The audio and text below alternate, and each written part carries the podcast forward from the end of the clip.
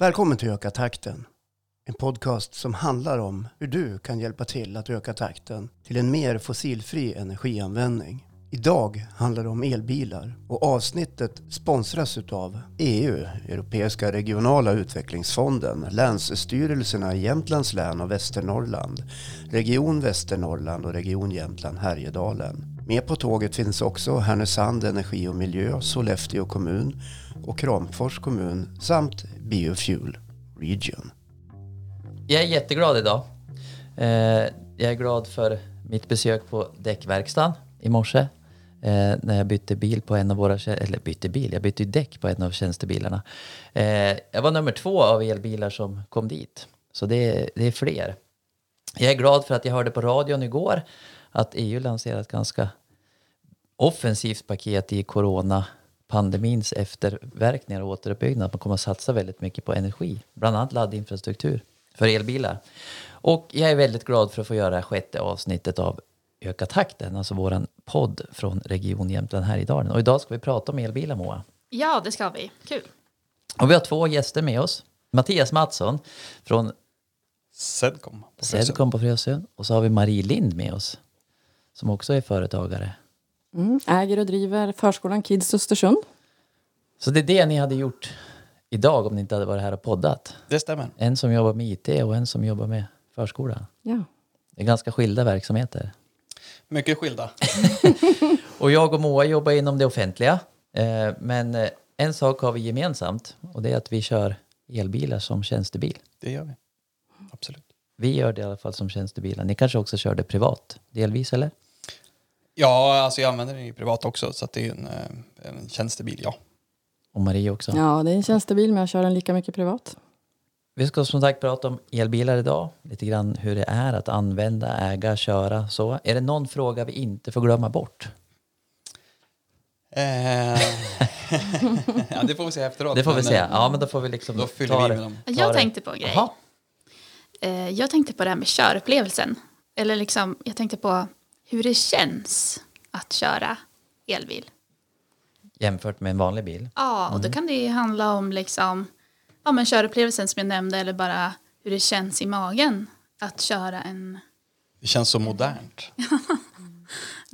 Jag håller med, jag hade faktiskt med det som en punkt. Att det är ju känslan av vad man gör faktiskt också i ett framtidsperspektiv. Eller nutidsperspektiv. Ja, det också. Eh, så vi ska försöka belysa lite skillnader, likheter med, om vi säger vanliga bilar då. Eh, både det gäller användning och upplevelse och klimat och inte minst det här med ekonomi. Yes. För det ni har valt elbil som bilar i era företag och då räknar ju vi med att ni också har räknat på det.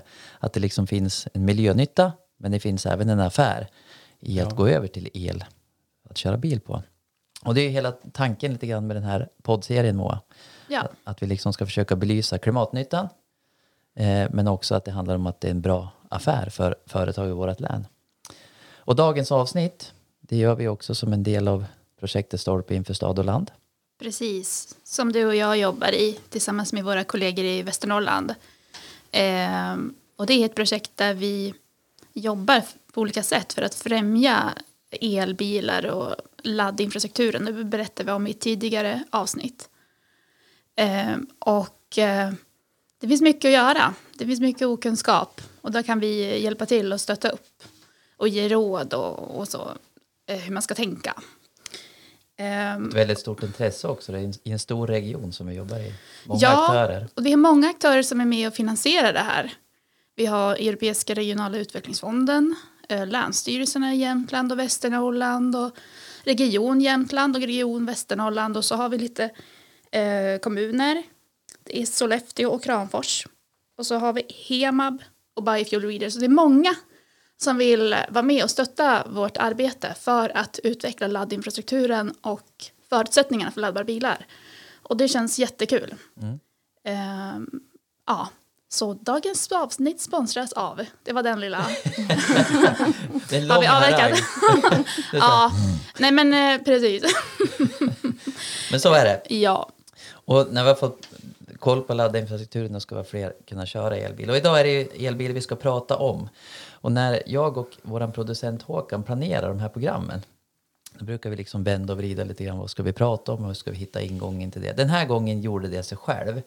För det var en artikel i Östersunds-Posten förra veckan som, som handlade just om en sak som vi har pratat väldigt mycket om och stångat oss blodiga för. Och det var ett par från Stugun som har varit, men där båda jobbar i Östersund, eh, men som har valt att gå över till elbil. Och den slår ju hål på en av de här myterna vi har pratat om väldigt mycket Moa, att en elbil är väldigt lämplig på landsbygden och inte bara i stan.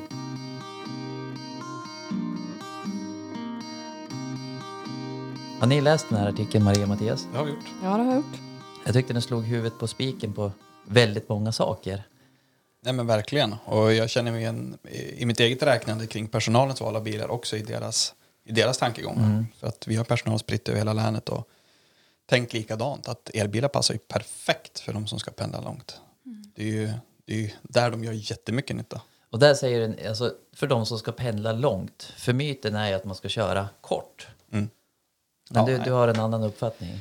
Ja men absolut. Ehm, vi kommer säkert in på detaljerna med det men vi har ju fått till en jättebra lösning tillsammans med våra fastighetsägare och vår personal och vilka bilar vi har valt. Så att, eh, dels är det mycket bättre upplevelse för den som pendlar fram och tillbaks och har verkligen fått en, ett bättre liv så sätt i, i, i vardagen. Men även ekonomiskt så är det en plusaffär för både miljön och plånboken. Så det blir väldigt bra. Om vi säger det här aktuella, när, ni, när du säger att pendla långt, vad menar du?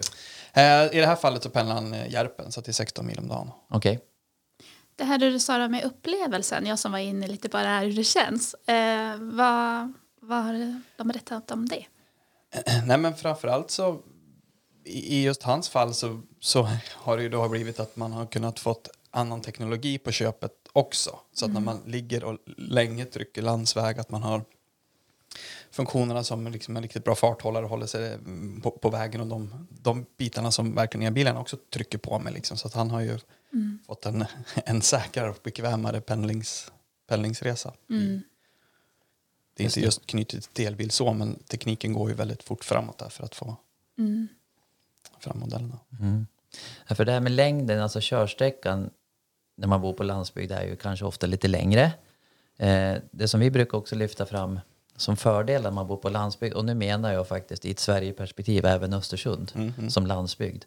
Eh, det är liksom att vi, vi har ofta ganska bra möjlighet att ladda hemma. Mm. Eh, gör ni det Ja, det gör vi. båda två? Ja, mesta delen laddad hemma. Det är liksom, och det har man ju eftersom vi ofta bor i ett, i ett hus när man bor på landsbygden så har man ju ofta det. Man har ett eget elabonnemang och så. Eh, man har den här pendlingen. Vi kör ganska mycket till och från jobbet. Ofta två bilar i hushållet. Mm. I en väldigt vanlig situation. Eh, och det gäller ju även när, som den här artikeln handlade om. Eh, och det är då, när man kör mycket, man kan ladda mycket och enkelt. Det är då liksom elbilens förtjänster verkligen kommer fram. Och kanske också om man har eh, en andra bil som liksom man kan ha, kanske ja, som täcker andra behov som elbilen inte kan göra. Och det är ju inte bara drivmedelskostnaden utan även om man kör mycket då får man ju ofta mycket servicekostnader också. Ehm, och där har ju elbilen en fördel gentemot konventionella bilar att det är mycket mindre serviceunderhåll, det är inte- inte så mycket rörliga delar. Och så. Skulle vilja säga att dagens elbilar med den räckvidden gör ju att det kan faktiskt vara en förstahandsbil. För så är det i mitt fall. Jag valde den som en förstahandsbil. Jag har bara en bil. Men det krävde ju också att det var en bättre räckvi- räckvidd än kanske 10-12 mil som de äldre modellerna har. Min har ju upp till 40 mil. Innan du behöver ladda. Ja, innan det, det möjliggör ju faktiskt att ha den som förstahandsbil också. Ja, absolut. Och det är ju där de brukar, det är jättebra att du säger det Marie, för det är ju där de brukar hamna, de som har två bilar. Och så tror man att man skaffar elbilen som andra bil. Men den blir snabbt en första bil. Ja. Ja, man vill inte köra något annat sen ändå. Ja, men det här är jättebra. Eh, Just den här, och alla de här grejerna fanns ju med i den här artikeln. Det som inte fanns med, det var ju faktiskt klimatnyttan. Mm. Alltså det fanns inte ett ord om det, utan det var ju liksom att det var bekvämt, det var billigt, oerhört smidigt. Eh, men det fanns inte ett ord om klimatnyttan. Men det här med naturupplevelser då? Ja, Det fanns ju med. Det var en tolkning som var väldigt oväntad. Ja, och jag Det- håller så med. Jaha. Ja, men, jag Läste och du den, Marie? sambo- Ja, sambo jag också. Ja, Smyger runt tyst i skogen och Ja. liksom eh, njuter av skogsupplevelsen fast på ett enklare sätt. Det är inte alltid man har tid att liksom vandra ut en Nej. bit för att njuta av. Utan man. fantastiskt. Det var, det Det-. Paret i artikeln hade upplevt ett fint eh, orrspel. Mm, det hade jag exakt. inte tänkt på. Det Ja. var jätte, jättekul. En vilken bonus. Nej, men vår erfarenhet från elbilsägandet är också att man tar an sig naturupplevelser på ett nytt sätt. Så att man kommer närmare naturen utan att spri, eh, skrämma djuren. Man kan eh, eh, tyst rulla längs med en eh, skogsbilsväg. Dels så känns det gott i själen för att man vet att man inte är där och släpper ut både avgaser och eh, ljudföroreningar. Och dels så kommer man närmare naturen för att man inte skrämmer iväg orrar eller vad, vilka typer av djur det, det nu är. Och Det var väl just orrar det handlade om i den där artikeln va? Ja. Och dessutom så hör man dem själv. För att man dränker inte landskapet i Nej. motorljud Nej. på tomgång. Liksom.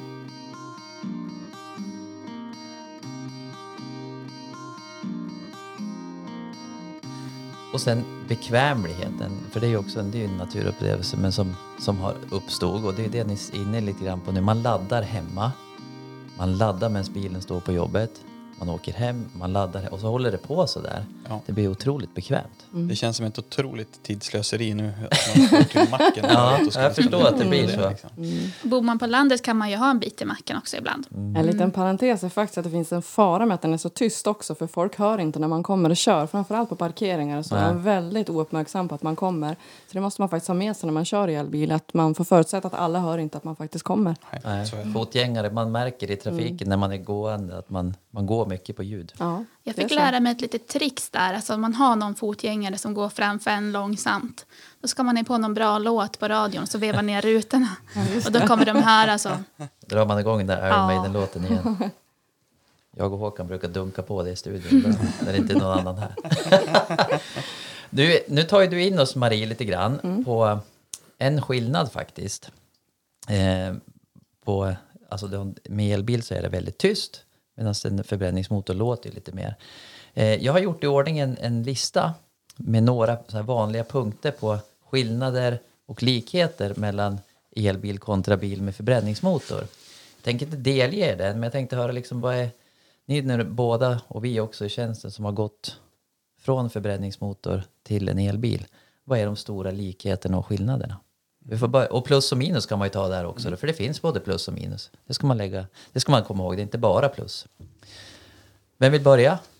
Vad liksom upplever du som dina, den största skillnaden, Marie? Största skillnaden är väl, det tror jag är känslan som Moa pratar lite om. För mig har det varit väldigt viktigt att eh, faktiskt tänka framåt. Eh, nu sa du att det är här och nu, så är det ju också att man kör en bra bil som, men som ändå är för framtiden lite grann. Jag tänker att man är föredöme både som förälder och som jag driver en verksamhet där framtiden är lite grann alla barnen. Någonstans visa som företagare att man tar sitt ansvar eh, faktiskt i ett vidare perspektiv också. Vi är en hållbarhetsförskola så för mig är det ju gå hand i hand med att man faktiskt ska tänka in alla delar, även tjänstebil tycker jag är viktigt. Eh, så för mig är väl faktiskt den den största anledningen till varför jag har valt en elbil, inte den ekonomiska delen. Sen rent ekonomiskt kan jag säga, jag gick från en diesel Ford, om man nu får säga Ford i det här Det programmet. finns andra bilar också. Ja, en dieselbil eh, eh, som jag har leasat i. Jag hade leasingbil i sex år innan. Eh, när jag köpte den här elbilen så var inköpskostnaden lägre än om jag skulle ha tagit en ny likvärdig bil, dieselbil. Eh, och leasingkostnaden ligger på ungefär detsamma. Sen är förmånsvärdet bara en bråkdel av vad det var på den tidigare bilen. Rent privatekonomiskt när det handlar om bränslekostnad så är det en avsevärd skillnad. Eh, det är tusenlappar eh, i månaden som jag sparar genom att köra en elbil. Bekvämligheten av att slippa åka förbi bensinstationen, ja, det är faktiskt en stor skillnad tycker jag. Man bara pluggar in när man kommer hem och pluggar ur när man far. Tycker jag är jättesmidigt. Jag laddar inte på jobbet. Eh, jag har ingen laddstolpe där, men min bil går uppemot 40 mil. Så jag har inget behov av det. Det räcker egentligen att ladda hemma. Hur långt tar du enkel då ungefär? Till jobbet alltså, tänker jag. Enkel till jobbet har jag ungefär en mil. Ja, just det. Så det är inga, det är inga långa sträckor. Det är inga så. långa sträckor, så Nej. jag behöver inte ladda den varje dygn. Det behöver jag inte göra. Eh, jag tänker så här, det jag kan sakna med elbilen det är att jag inte har en dragkrok. Mm. Eh, men då vet jag också att det finns eh, bilar i min omgivning jag kan låna när jag behöver det. Jag kör en hel del, både hästsläp och vanligt släp. Får de Eh, låna in ibland då kanske? De får låna min ibland också, så det är win-win där Ja. faktiskt. det är ganska det är modernt den- bilägande egentligen. Precis, det är väl den mest påtagliga skillnaden kan jag tycka. Sen att det inte är fyrhjulsdrift, nej det har inte jag användning för. 90% av mina resor de går i stan eller stadsnära, så det tycker inte jag är en nackdel heller. Eh, Man kan ju ha fyrhjulsdrift på elbil. Jag vet att man kan det. Jag står mitt emot den som har det, tror jag. Ja, det. Stämmer det, Mattias? Ja, det stämmer. Ja. Så det har inte den. Och dragkrok kanske Och också. dragkrok. Just det. Där har vi några. Vad tänker du Moa? Nej, men eh, jag är inne mycket på det här med enkelheten och hur det känns som jag redan har nämnt. Men jag tycker ändå eh, att det här med att kunna veta vad jag kör på. Vad är det för energi jag har i tanken? Eller i det här fallet i, i batteriet. Och jag kan till och med välja vart jag köper den ifrån. Jag kan välja att det ska vara solel eller vindkraft beroende på ja, vilken el jag köper. Eller kan till och med producera den själv hemma. Det tycker jag är häftigt. Exakt, jag håller helt med. Mm.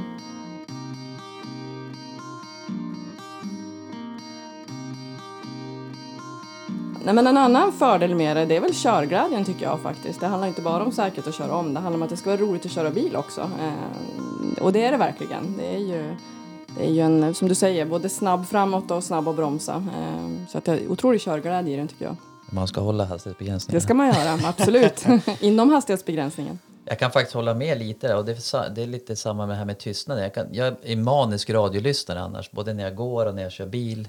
Eh, men när jag kör elbil i tjänsten kan jag komma på mig själv att jag trycker inte på radion. För det är så härligt att det är just tyst och roligt att köra. Så det, är- det, är en ganska, det är en, det är en ganska stor skillnad tycker jag. Eh, nackdelar ändå, för det finns ju sådana också. Eller en annan stor skillnad tycker jag som är Ja, det kan ju vara en nackdel naturligtvis. Vi pratar om det här med räckvidd och sådär. Men det är, de påverkas rätt mycket av utomhustemperaturen. Till skillnad från en, en vanlig förbränningsmotor. Man märker ju mer om det är riktigt kallt ute. Så det, här när vi Att det pratar- funkar så mycket bättre. det funkar mycket bättre värmen i kupén. Ja. Det är mycket bättre och snabbare. Ja. Så den behöver man ju aldrig bekymra sig om. Och att det startar behöver man inte bekymra sig om. Det är också en sån här liten myt. Ja. Som inte startar när det är kallt. Det är snarare tvärtom. Ja, ja, exakt. Jag har, eh, jag har 20 meter allé ut från gården. Och jag tänkte verkligen på det vintras när det var, det var inte så jättemånga dagar som var riktigt kalla i vintras, men de som var, man hann inte ens utanför allén på en kall start innan rutan började tina liksom av vär- värmen, så det fungerar ju otroligt bra jämfört med att kallstarta. Men jag tänker att mycket handlar ju om planering också. För att det är mindre körsträcka vintertid. Jo, men det lärde man sig ju ganska snabbt. Vad handlar det om när det är minus 15 grader eller 0 grader? Eller, det tar ju också bilen om när man startar den, hur långt jag har kvar jag kan köra.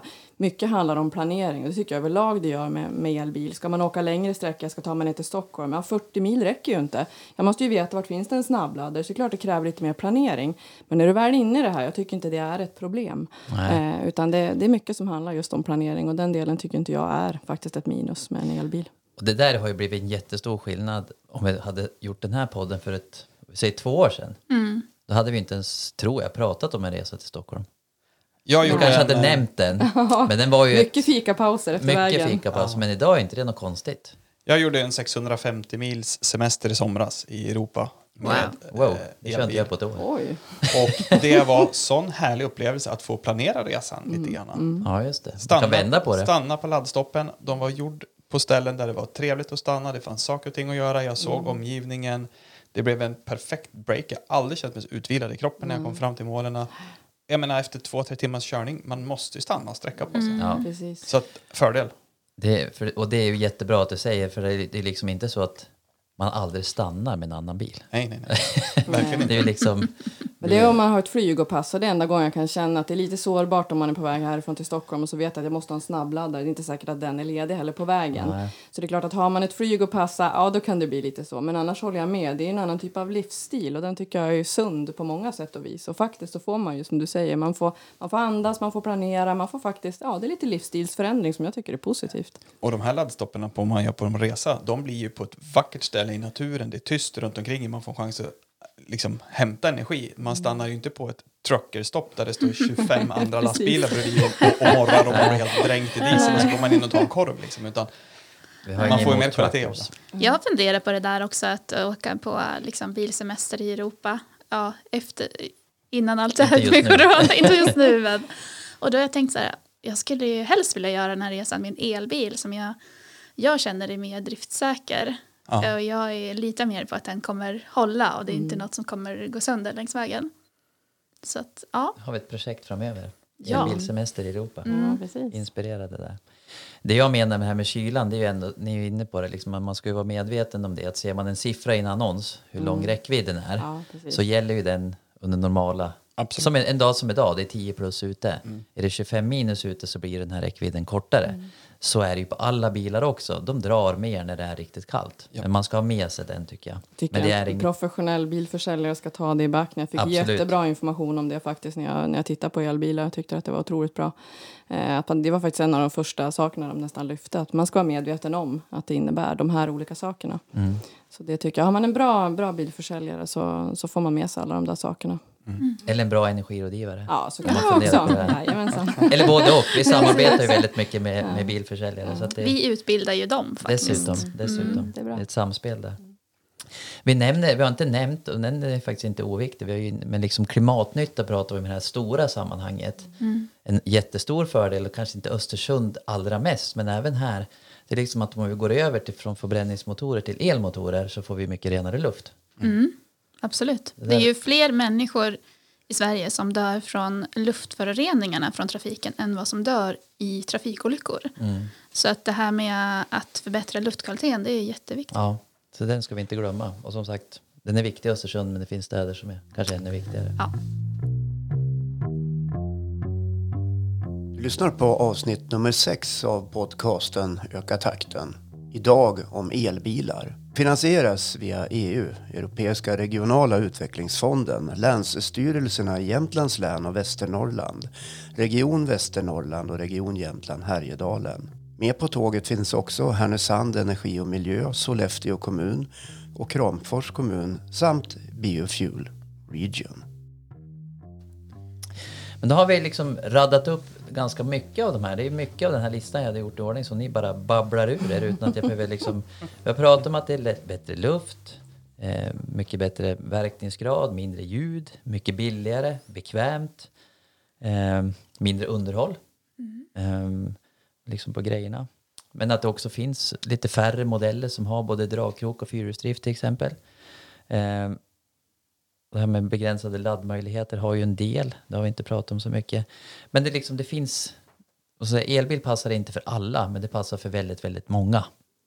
Och rent praktiskt och hur man använder och, och så en bil. Sen, vi har ju ett liksom om man tänker... Något, nu pratar vi om 100% elbilar, för det är det ni har, bara batteri så att säga. Och det är det vi kör i tjänsten också. Sen har vi ett annat alternativ som figurerar ganska mycket, alltså laddhybrid. Jag tänkte ändå skulle liksom, när kan det tänkas vara ett bra alternativ? För det kan ju vara ett jättebra alternativ. Ja, till exempel om man kör ofta ganska korta sträckor. Alltså att merparten av de resor man gör är korta. Därför att eh, generellt kan man säga att eh, bilen kommer kunna köra på ren el ungefär fyra, kanske fem mil vissa. Och sen kommer den gå över på bensin är det ju oftast då. Eh, och kör du ofta längre de här fyra, fem milen då kommer du ju ha en tung bil då. Som, för den har ju extra utrustning än en annan bensinbil, liksom. batteri och en elmotor och så. Så då kommer den ju dra mer de milen. Så kör du ofta kort, då kan det verkligen vara någonting. Och jag vet vissa lyfter fram att det här kan vara ett sätt också i framtiden att hushålla med biodrivmedel. Eh, eh, att eh, man kör mer på el och så behöver man inte använda mycket biodrivmedel för de resor man behöver ändå göra lite längre. Ja, just det. Så det blir en hybrid mellan el och bio. Ja, men, men det ser vi inte riktigt än. Nej. Ehm, och det kan också vara ett sätt att hushålla med batteriresurser. Att eh, de batterier som, eh, som finns räcker till fler bilar. Men man bör verkligen titta på sina eh, behov och förutsättningar. För att för många är en ren elbil kanske ett eh, bättre alternativ. Jag blir ju... Jag, jag, må- jag kan inte stå helt tyst. Mattias blir provocerad. Nej, jag blir provocerad. Nej, men eh, jag prövade ju, vi köpte ju sex stycken elhybrider från olika leverantörer. Var det elhybrider eller laddhybrider? Eh, ja, laddhybrider. För det här måste man man hålla isär. Ja, det finns ju elhybrider Mm. också. Ja, Mm. ja, laddhybrider. Eh, och vi bröt ju leasingen på alla av dem efter ett år. Ja, vi var jätte- jättemissnöjda. Och, och vi körde ju både korta mönster och långa mönster. Men de korta mönstren så blev aldrig motorn tillräckligt varm för att slå över på eldrift. Så det spelar ingen roll hur mycket vi laddad de var. De var alltid 100% laddad. Och ja, på de längre sträckorna då är de ju för kort istället. Så, att, så att vi fick ingen bra bränsleekonomi på det. det, det, det, det. Ja, man ska ha ett körmönster som passar. Ja, alltså om man, om man har ett körmönster som är precis liksom fyra mil, ja men då, då funkade det. För första milen, då kör man på bensin tills den slog över på el. Och sen så kom man fram till sin destination som då skulle ha laddaren såklart. Hade man inte det att man skulle pendla tillbaka, men då var den ju tom på vägen tillbaks. Så, att, så att för ingen av mina anställda som hade det så fungerade det, utan vi bröt, vi bröt Okej. samtliga. Man, kan väl, man kan väl säga som så, alltså att det är ju jätteviktigt alltså, att man funderar hur, liksom, vilket behov och körmönster man har när man väljer bil. Och det här är ett jättebra exempel på det. Och kommer, ibland kan man komma fram till att el inte är Då kan det finnas till exempel biogas som ett jättebra alternativ också. Det Ja, finns ju precis. andra. Sen finns det en gång jag tycker att det är inte någon bra miljöinsats att skaffa en elbil. Vet ni vad det är? Nej. Det är när man inte har någon bil idag. Nej. För det är inga nollutsläpp från elbilar ändå. Nej. Och det är, det är faktiskt en ganska stor del av hushållen, även i Östersunds kommun, som inte har någon bil. En tredjedel ungefär. Men, de, men, då, men vill man ändå ha tillgång till en bil, och det här tror jag kommer bli jättemycket vanligare framöver, så kanske man kan gå med i en bilpool eller något. Exakt. Så man behöver inte äga en bil, liksom. det är också viktigt att trycka på det. Eh, andrahandsmarknad har vi inte berört. Nej. Det är liksom kanske en sån här, den kommer ju att komma. Men det hör man ju ändå att det är liksom en begränsning för många att ta det här steget. Att det finns inte så många begagnade att få tag på.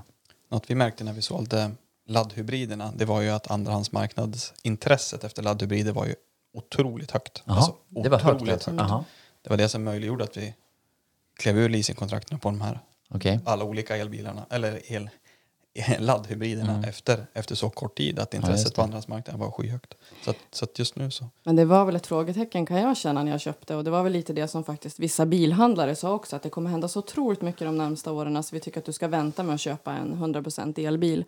Eh, Det argumentet tycker inte jag håller för det kommer hända otroligt mycket hela tiden på den här Ja. marknaden. Och inom alla marknader. Inom alla marknader. Däremot är det klart att det är ju lite större frågetecken kan jag känna. Nu leasar den här på tre år. Okej, hur kommer värdet se ut efter tre år? Det är ju lite mer osäkert kanske när man hade köpt en bensinbil. Så är det ju. Eh, Så men- det här är det? Nej, jag vet inte. Men det var Vad bilhandlarnas Ja, argument lite ja, ja. grann också. Att de vet inte riktigt hur det ser ut om tre år. Eh, och, och det kan jag hålla med om att det känns kanske lite osäkrare när det kommer till det. Samtidigt så kan jag känna, jag valde att köpa en med lång räckvidd.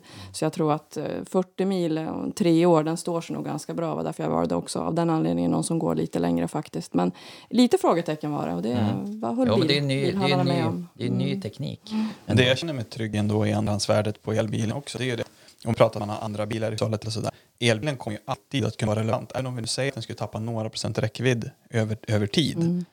Vi säger att man har 40 mil idag. Om man har 36 om tre år. Eller om man har 30 om, om fem år. Den behövs ju alltid. Till skillnad från diesel och bensinbilar som till slut kommer vara obsolet. Så kom, går den här bilen Obsolet. Ja, onödig. Utrangerade så kommer ju alltid den här bilen att kunna gå att nyttja.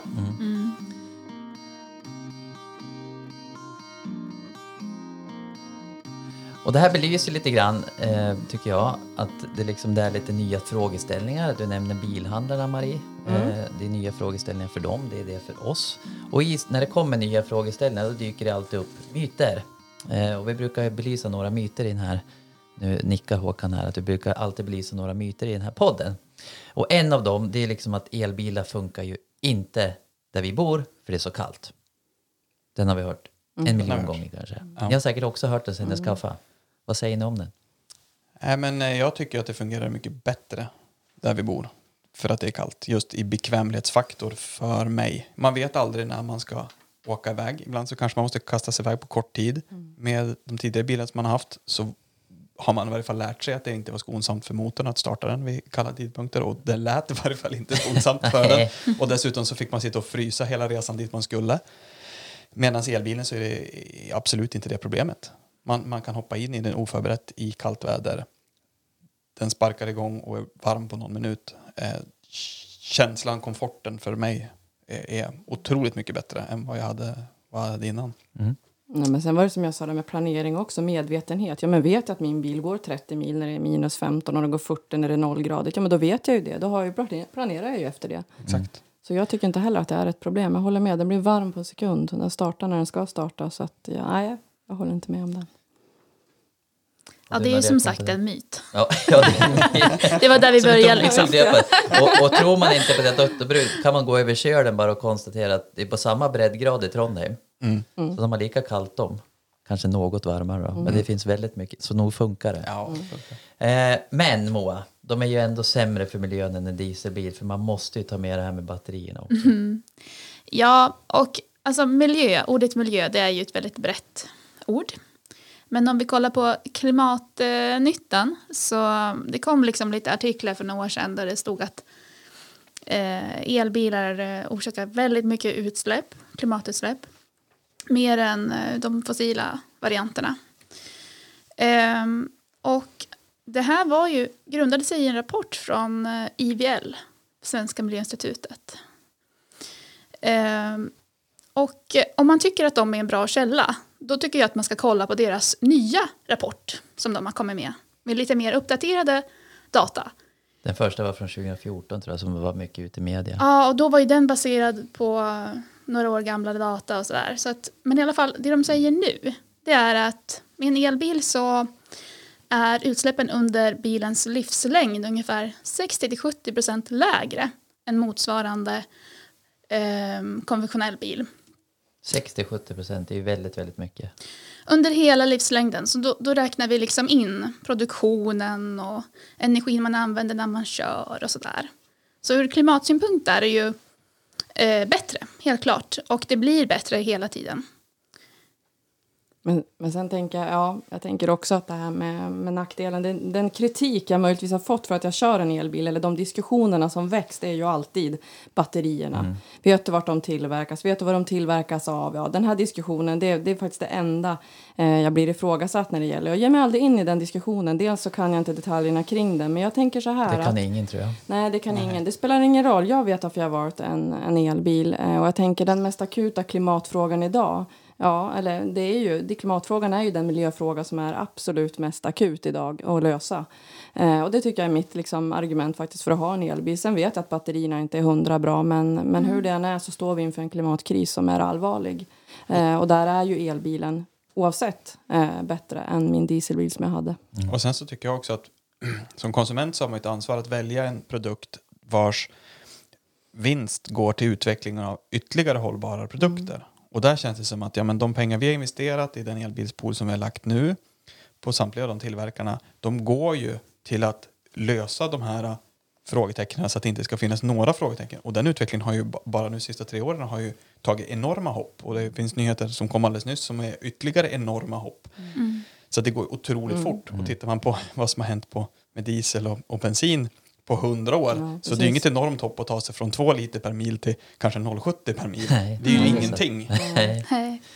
Men jag, jag skulle kunna kommentera det du var inne lite på, Marie. Eh, för det var därför också jag ville skilja ut klimat från begreppet eh, miljö. Det finns flera aspekter i det här. Och eh, det är en problematik i världen när det gäller eh, miljöfrågor kring gruvdrift. Eh, det finns stora gruvdriftsproblem och eh, det gäller allt egentligen inom gruvdriftsnäringen. Eh, även de gruvdrift som försörjer liksom, batteriproduktion med resurser. Eh, men eh, det har blivit eh, mycket ljus på, på just den här frågan när det är kopplat till elbilsbatterier och det är bra. Eh, det gör att vi kan ställa krav. Och det har också flera eh, bilproducenter gjort. Man har till exempel gått ihop och bildat något som heter Responsible Cobalt Initiative och andra initiativ för att liksom ställa krav så att det kan bli bättre. Så det är ju också lite det eh, som du är inne på Mattias. Att det driver liksom utvecklingen åt, åt rätt håll i alla fall. Verkligen.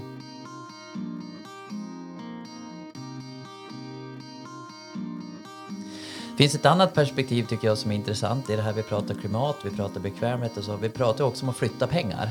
Att liksom om vi går över till eldrift, du har varit inne på det om man kan välja energikälla. Eh, Men det innebär att man kan också välja leverantör. Vart ska mina pengar gå? Exakt. Ska de gå liksom till en lokal elleverantör när jag laddar bilen? Eller ska de hamna någonstans i ett oljeproducerande land? Vilket det de facto gör om man liksom om man Eller köper ska jag bensin. egna solceller då så jag producerar den själv. Man kan göra den själv till och med. Exakt. Exakt. Och det, då är man liksom väldigt nära någon slags noll, nollutsläppshushåll. Om man gör elen själv som man sen kör bilen på. Vi köper fossila bränslen idag för ungefär 20 000 per person och år i länet. Väldigt mycket pengar som vi liksom kan lägga på någonting annat och skapa regional utveckling istället. Och det tryck. Därför blev jag lite glad igår när Jag var ju inne på det i början. EU lanserade ju ett paket här nu, post-corona som de kallar det. Hur man ska bygga upp samhället och skapa utveckling. Så där tryckte man väldigt mycket på det här med övergång till eldrift bland annat. Så det kommer vi att se ännu mer framöver och vi är en god bit på väg här. Mm. Jag, jag kan gärna flika in där. Våran fastighetsägare där vi har kontoret eh, ja, ställde vi frågan för ett antal år sedan eh, angående eh, möjlighet för elbilsladdning. Och eh, eh, lyhört. Vi har fått upp laddare. Vi har 14 stycken laddare utanför vårt kontor.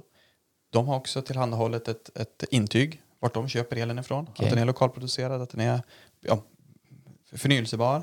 Och de har också byggt en jättestor solcellsanläggning på kontoret Just det, på taket på där. taket. Mm. Så att det, det känns ju verkligen att det är lokalt. Det kravet skulle vi aldrig kunna, eller kravet, önskemålet skulle vi aldrig kunna riktat på någon bensinleverantör. Nej, nej. Ja, precis. Det har hänt mycket där på sistone låter det som. Det har hänt mycket. det måste Kul. ut på, i det där kvarteret och kolla. Ja, Ja. Eh, ni leder ju in det här och det är ju väldigt bra utan att jag behöver göra det själv. Liksom just vi har pratat klimat och sådär men och myter lite grann. Den vanligaste myten är väl kanske ändå ekonomin. Alltså att elbilar är så förbaskat dyra. Så det kan ändå, även om de är så himla bra för miljön och så här, så är de ändå alldeles för dyr. Så vi måste ju komma in på det här med liksom, inte bara för klimatet utan det är ju även för affären. Och en, en, ett bilköp är ju, att ha en bil är ju inte bara köpet Nej. utan det är totalkostnaden. Hur har ni resonerat där som har tagit det här steget? Just kring det. Du var inne på det lite grann i början Marie, men du får Ja, gärna förtydliga det. Hur, hur ska man tänka? Exakt. Jag hade ju referensramen av min tidigare leasingbil då, som var en, en dieselbil i normalstorlek. Så.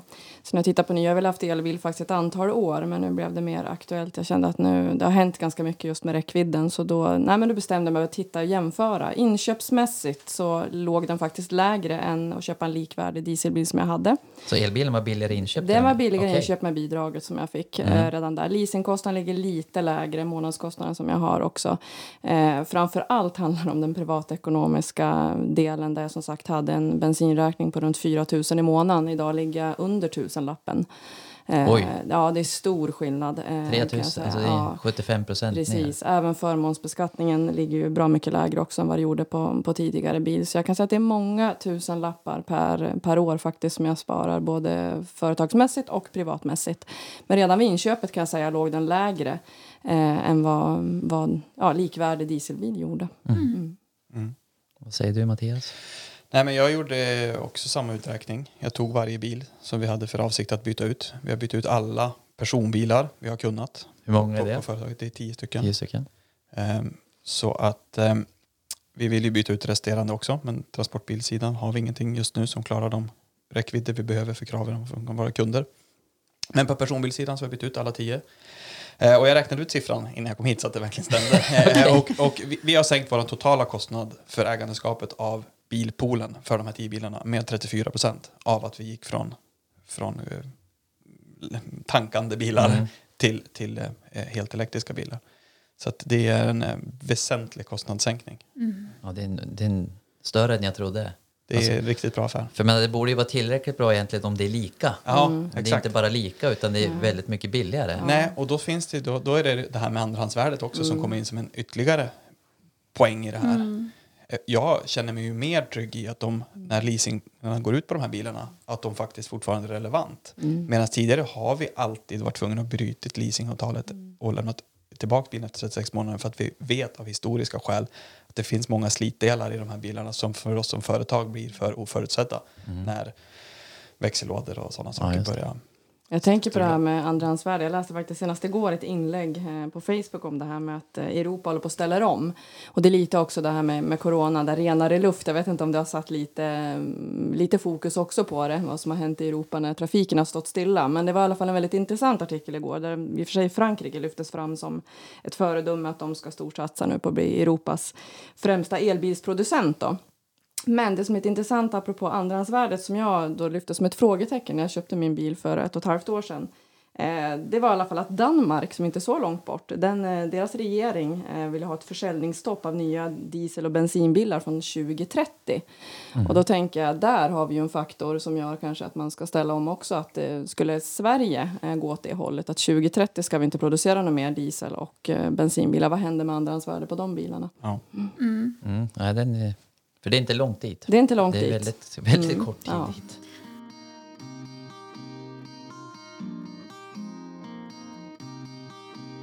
Jag tänkte det här med, som vi var inne på lite grann, eh, ehm, inköpspriset på en elbil.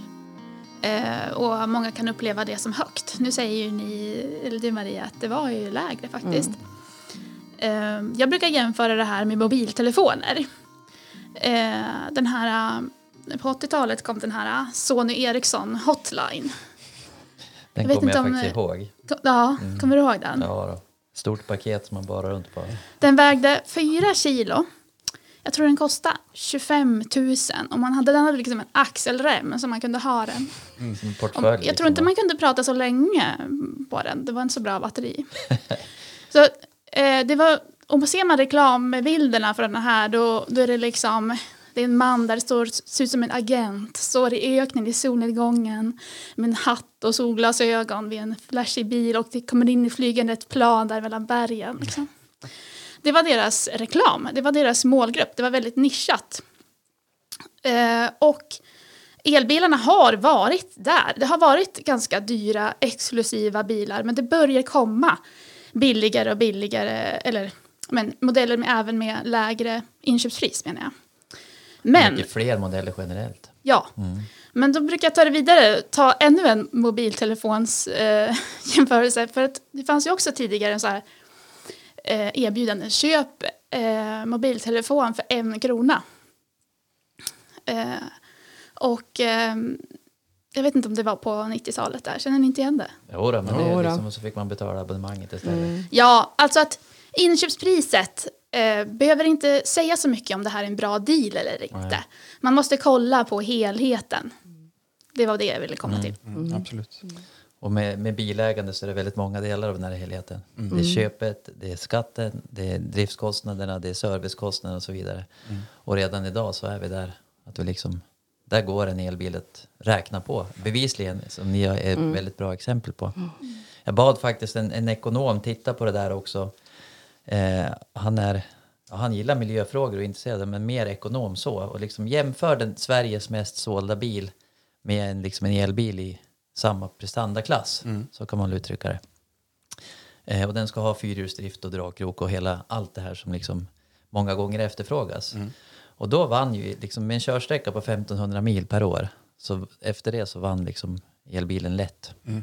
Så att eh, körsträckan spelar ju också in naturligtvis. Men man behöver inte köra mycket så är det en, en jäkligt bra affär. Eh, nu har vi liksom lyft fram många, väldigt många fördelar. Och sen kan man ju då tänka sig, ja men om det är så bra, varför har de inte alla?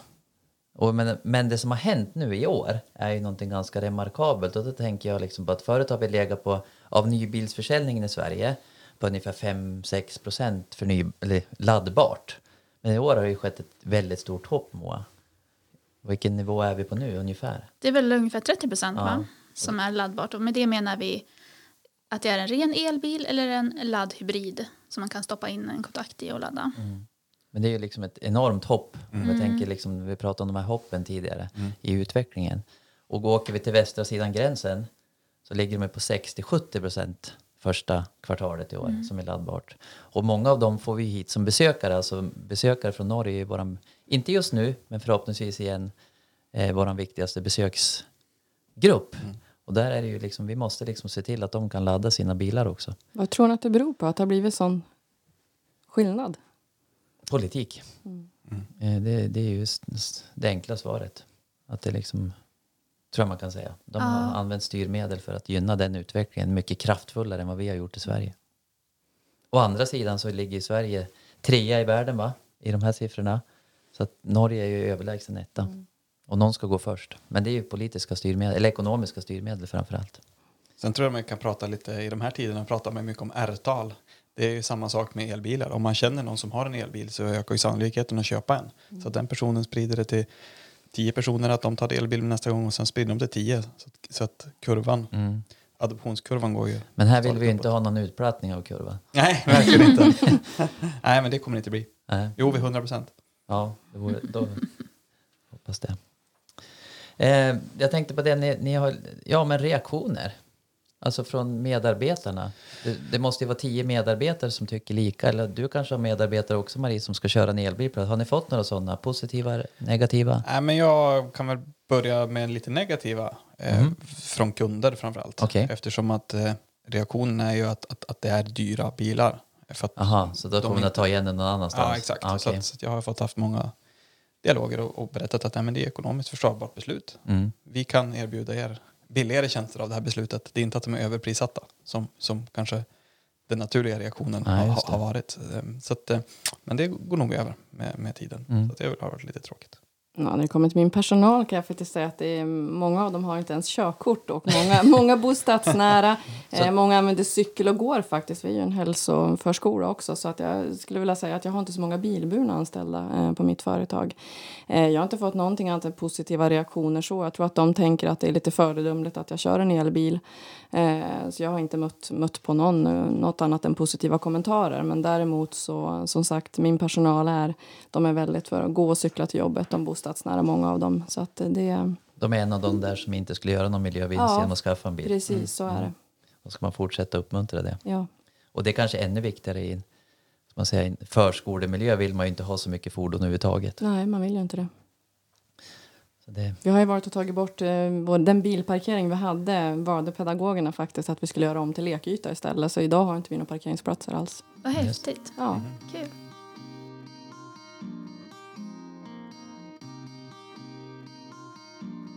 vi Moa gick ju över till elbil första i vår organisation 2016. Mm. Eh, vi fick väl en del reaktioner från medarbetare som skulle börja använda dem.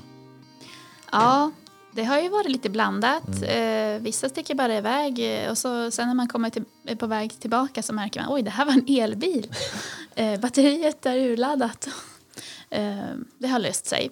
Eh, och andra har varit väldigt positiva. Tycker att eh, man väljer den i första hand. Att det, är- det är den mest bekväma bilen att Mm. välja. Och den vanligaste reaktionen, om man ska prata om klagomål, men som är en missuppfattning, det är väl hur ska jag göra för att starta bilen? Ja. Den, är, den går inte igång. Nej, den startar ju inte, det låter ju inget. Ja. Fast den är ju på. Man, man, eh, man eh, är ovan eh, med att det är så tyst. Ja, det där tycker jag är roligt. Eller det här att är den här elbilen en automat? Man är ovan med att köra automat. Mm. Ja, det är det är nästan det största. Och alla elbilar är ju automater. Så är det ju. Ja, det, som ni hör, det är liksom, vi skulle kunna prata om det här hur länge som helst. Men det är liksom, det är ändå dags att börja runda av dagens avsnitt lite grann. Vi kommer börja fortsätta jobba med de här frågorna Moa. Har vi något särskilt på gång sådär som du skulle lyfta fram framöver? Eh, vi brukar ju ordna mycket så här provkörningar och sånt där. Nu kan vi inte göra det i de här eh, coronatiderna. Eh, så nu jobbar vi extra mycket med att få till fler snabbladdare till vårt län. Eh, vi valde för något år sedan ut fem platser att fokusera mer på. Och en snabbladdare är på plats, den är i Järpen. Yes, under Vi jobb- december. Vi jobbar väldigt aktivt nu för att få till snabbladdare i Strömsund, Hammarstrand, Hede och Bräcke. Och eh, alltså jag tror vi kommer ha alla dem på plats i år. De ska, vi ska öka Ja. takten där. Kul. Så att de är på plats då. Så det, det rör på sig, det går två steg fram, ett steg bak. Det är liksom ett dans, vad blir det för dans? Är det samba eller någonting? Vi... Vi, kolla på Let's Dance Ja. ikväll. Då kanske Eh. vi reder ut det. Och, men eh, vi förbättrar förutsättningarna och eh, snart är de... Vi har redan 28 eller 29 snabbladdare i länet. 28. Men snart har vi ett gäng till. Eh, om man vill komma i kontakt med oss då, dig och mig, hur gör Ja. man då? Man, behöver, man känner att man vill veta mer om det här med elbil eller kanske någonting annat. Ja, men då kan man ringa Region Jämtland här i Dalens växel och så frågar man efter Jimmy Anjevall eller Moa Breivik. Och vill man eh, specifikt diskutera bilfrågor så har vi också en grepp, grupp på Facebook som heter Den heter Energikontorets virtuella bilhandlingsgrupp. Långt namn. Ja, Men där får man jättegärna bli medlem.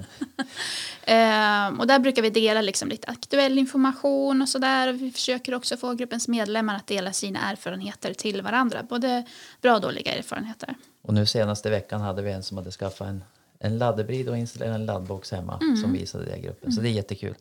Även nästa program eh, i Öka takten kommer att handla om transporter, men kanske lite tyngre transporter, lastbilar och så. Och vad man kan tänka på om man vill gå över till förnybart där. Det kan ju vara HVO eller etanol eller biogas och så. Eh, men med det så tänkte jag att vi skulle tacka så mycket för idag. Och då tackar jag min kollega Moa. Men jag riktade särskilt tack till Mattias och Marie Tack som har varit med och diskuterat de här frågorna med oss idag. Och naturligtvis våran inte bara ra- in, ljudinspelande utan även filminspelande producent Håkan Lundqvist här på poddverandan. Det här programmet kommer att finnas där poddar finns om man vill lyssna och det vill man ju såklart göra. Tack för idag. Mm, tack. Tack. Tack. Det här avsnittet av Öka takten finansieras av Europeiska unionen, de europeiska regionala utvecklingsfonderna, de båda länsstyrelserna i Jämtland och Västernorrland, regionerna i Västernorrland och Jämtland Härjedalen, Härnösand Energi och miljö, Sollefteå kommun och Kramfors kommun samt Biofuel Region.